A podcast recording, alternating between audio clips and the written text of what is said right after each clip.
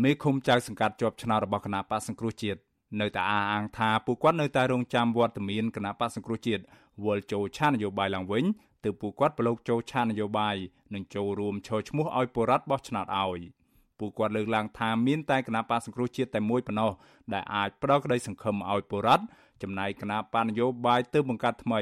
ឬគណៈបកផ្សេងទៀតមិនអាចផ្ដល់ក្តីសង្ឃឹមឲ្យបុរដ្ឋឬក៏អាចយកឈ្នះគណៈបកប្រជាជនកម្ពុជាបាននោះទេ មេឃុំជាប់ឆ្នោតនៅឃុំសទឹកស្រុកជើងព្រៃខេត្តកំពង់ចាមរបស់គណៈបកសង្គ្រោះជាតិលោកមិចមៀកដែលសប្តាហ៍កំពុងរស់នៅភៀសខ្លួននៅប្រទេសថៃប្រាប់វិសុយស៊ីស្រីថាគណៈបញ្ញយោបាយថ្មីថ្មីដែលកើតចេញពីអតីតមន្ត្រីគណៈបកសង្គ្រោះជាតិមិនមែនជាដៃគូប្រកួតប្រជែងជាមួយនឹងគណៈបកកណ្ដាលអំណាចនោះទេហើយបើគណៈបកទាំងនោះរកសម្លេងឆ្នោតបានច្រើនក៏នឹងត្រូវគណៈបកកណ្ដាលអំណាចរំលាយចោលដោយរំលាយគណៈបកសង្គ្រោះជាតិកាលពីចុងឆ្នាំ2017កន្លងទៅដែរ មេឃុំជាប់ឆ្នោតរូបនេះរំពឹងថានឹងមានដំណោះស្រាយនយោបាយដែលមានការគ្រប់គ្រងពីសហគមន៍អន្តរជាតិដែលអាចឲ្យមានគណៈបកសង្គ្រោះជាតិចូលរួមការបោះឆ្នោតឡើងវិញបាន។ ដល់មានការដំណោះស្រាយនយោបាយឲ្យបានល្អប្រសើរត្រឹមត្រូវឡើងវិញអានឹងទើបយើងអាចចូលរួមប្រកួតប្រជែងដោយស្មារតីដោយយុត្តិធម៌ហើយបើថាយើងចូលទៅបោះឆ្នោតជាមួយនឹងគណៈបកថ្មីគណៈបកបង្កើតថ្មីជាមួយនឹងលោកហ៊ុនសែនដោយគ្មានគណៈបកសង្គ្រោះជាតិយើងមិនអាចផ្លាស់ប្ដូររបបលោកហ៊ុនសែនបាន ស្រដៀងគ្នានេះដែរចៅសង្កាត់រងទី1ជាប់ឆ្នោតនៅសង្កាត់បឹងទំពុនទី2ខណ្ឌមានជ័យរាជធានីភ្នំពេញលោកខឿនវិរៈដែលកំពុងប្រកបរបររត់ម៉ូតូកង់3ក្រោយគណៈបកកណ្ដាលអំណាចដណ្ដើមយកតំណែងដោយការរំលាយគណៈបកសង្គ្រោះជាតិនិយាយថាលោកនៅតែគោរពឆន្ទៈពលរដ្ឋម្ចាស់ឆ្នោតដែលបានបោះឆ្នោតឲ្យលោកដូច្នេះលោកថាលោកនឹងនៅតែបន្តរងចាំវត្តមានគណៈបកសង្គ្រោះជាតិដដែល លោកប្រាប់ទៀតថាបើទោះបីជាមេដឹកនាំគណៈបកនេះម្នាក់នៅក្នុងស្រុកគ្មានសេរីភាពគ្រប់គ្រាន់និងម្នាក់ទៀតរស់នៅក្រៅប្រទេសនិងកំពុងរងនៅបទចោទជាច្រើនសំណុំរឿងក្តីក៏ប៉ុន្តែលោកសង្ឃឹមថាមេដឹកនាំគណៈបកសង្គ្រោះជាតិនឹងស្វះស្វែងរកដំណោះស្រាយនយោបាយកម្មជនមូលដ្ឋានជាពិសេសក្រមប្រឹក្សាឃុំសង្កាត់ទាំងអស់ដែលគាត់បានជាប់ឆ្នោតហ្នឹងគឺគាត់នៅខំស្មៅ ហើយរងចាំពេលវេលានៃការរួបរวมគ្នាណាមួយពេលវេលានៃការផ្សះផ្សាជាតិណាមួយ បានពួកគាត់អាចចូលរួមជីវភាពនយោបាយវិញបានព្រោះឥឡូវនេះសកម្មជនមូលដ្ឋានក៏ដូចជាអ្នកនៅក្នុងស្រុកមិនអាចធ្វើអីបានទេក្រៅពីនៅស្ងៀម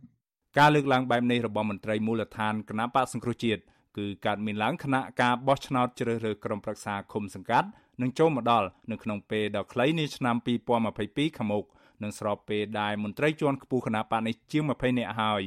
បានទៅសុំសិទ្ធិធ្វើនយោបាយឡើងវិញនិងអ្នកខ្លះបើកបាក់ថ្មីត្រៀមខ្លួនចូលរួមនៅក្នុងការបោះឆ្នោតជ្រើសរើសក្រុមប្រឹក្សាឃុំសង្កាត់ឆ្នាំ2022មេឃុំជាប់ឆ្នោតរបស់គណៈបកសង្គ្រោះជាតិម្នាក់ទៀតលោកសយសិដ្ឋាតយល់ថា ទោះជាកម្ពុជាមានគណៈបកនយោបាយច្រើនក្តីក៏ប៉ុន្តែមានតែគណៈបកប្រជាជនកម្ពុជា និងគណៈបកសង្គ្រោះជាតិតែពីរនេះទេ ដែលជាដៃគូប្រកួតប្រជែងពិតប្រាកដសម្រាប់ពលរដ្ឋខ្មែរលោកនៅតែរក្សាជំហរទៀមទីឲ្យមានវត្តមានគណៈបកសង្គ្រោះជាតិចូលរួមនៅក្នុងការបោះឆ្នោតនៅក្នុងឆ្នាំ2022ខាងមុខនេះ និយាយគ្នាសម្របសម្រួលគ្នាត្រូវធ្វើយ៉ាងម៉េចសម្បទានអីខ្លះគ្នាទៅវិញទៅមកយើងត្រូវធ្វើឲ្យបានល្អទី1គឺយើងយកប្រយោជន៍ជាតិជាធំ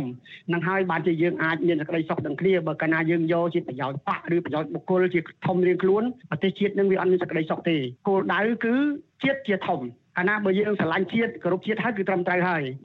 របបក្រុងភ្នំពេញកាលពីចុងឆ្នាំ2017បានប្រើប្រាស់អំណាចរបស់ខ្លួន ចាប់ប្រធានគណៈបកសង្គ្រោះជាតិលោកកឹមសុខាដាក់ឃុំនិងរំលាយគណៈបកនេះចោលព្រមទាំងហាមឃាត់ថ្នាក់ដឹកនាំគណៈបកនេះសរុបចំនួន118នាក់មិនឲ្យធ្វើនយោបាយរយៈពេល5ឆ្នាំនិងដកហូតអាសនៈឃុំសង្កាត់របស់គណៈបកនេះសរុបជាង5000អាសនៈនៅទូទាំងប្រទេសយកទៅគ្រប់គ្រងសប្តាហ៍បកកណ្ដាលអំណាចកំពុងដឹកនាំប្រទេសដោយឯកបកនិងរងនៅទណ្ឌកម្មស្ទើរគ្រប់ទិសពីសហគមន៍អន្តរជាតិ តកតងនឹងវិបត្តិនយោបាយនេះអ្នកសម្របសម្រួលផ្នែកអង្គការរបស់អង្គការឃ្លាំមើលការបោះឆ្នោត Confrel លោកកនស្វាងយល់ថាគួរតែដល់ពេលវេលាហើយដែលគណៈបកកណ្ដាលអំណាច និងគណៈបកប្រឆាំងនាំគ្នាចូលតុចរចាជជែករកដំណោះស្រាយជូនជាតិលោកបន្តថាដើម្បីឲ្យការបោះឆ្នោតមួយអាចទទួលយកបានក្រៅតែពីមានវត្តមានគណៈបពប្រឆាំងចូលរួមក៏គួរតែមានការកែប្រែឬធ្វើវិសោធនកម្មលើច្បាប់មួយចំនួនដែរ ថាសូមឲ្យមានការទៅជែកគ្នាហើយសម្រួលជាពិសេសគេហៅថាលំហប្រជាធិបតេយ្យហ្នឹងបើកទាំងឲ្យមានទាំងគណៈបកនយោបាយចូលរួមគុតវិជែងដោយពិតប្រកបទៅសិទ្ធិនយោបាយមានការពិនិត្យទៅលើច្បាប់ឡើងវិញណាច្បាប់ណាដែលមិនបង្ហាញអំពីការគោរពឆន្ទៈធានាឆន្ទៈប្រជាពលរដ្ឋហ្នឹងថាត្រូវពិនិត្យមើលឡើងវិញ ជុំវិញការលើកឡើងនេះ Visual C ស្រីនៅមិនទាន់អាចសុំការបំភ្លឺពីអ្នកនាំពាក្យគណៈបព្វជិជនកម្ពុជា លោកសុកអេសាន និងអ្នកនាំពាក្យរដ្ឋាភិបាលលោកផៃស៊ីផានបាននៅឡើយទេ នៅថ្ងៃទី23ខែឧសភាដោយទូរស័ព្ទពួកលោកបិទការហៅចូល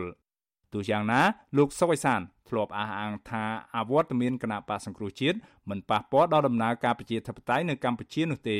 ព្រោះមានគណៈបកជាច្រើនទៀតចូលរួមការបោះឆ្នោត ចំណែកឯលោកហ៊ុនសែនឯណោះវិញកាលពីពេលថ្មីថ្មីនេះបានចោទប្រកាន់ដោយគ្មានភស្តុតាងថាក្រុមគណៈបពប្រឆាំងមានផែនការរារាំងដល់ការបោះឆ្នោតនាពេលខាងមុខនេះ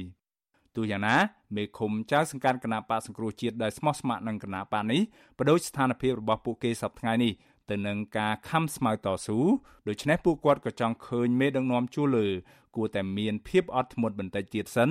រងចាំដំណោះស្រាយរួម ដែលជាការទៀមទាយកគណៈបកសង្គ្រោះជាតិចូលរួមនៅក្នុងការបោះឆ្នោតឡើងវិញខ្ញុំបាទមេរិត Visual C ស្រីរាយការណ៍ពីរដ្ឋធានី Washington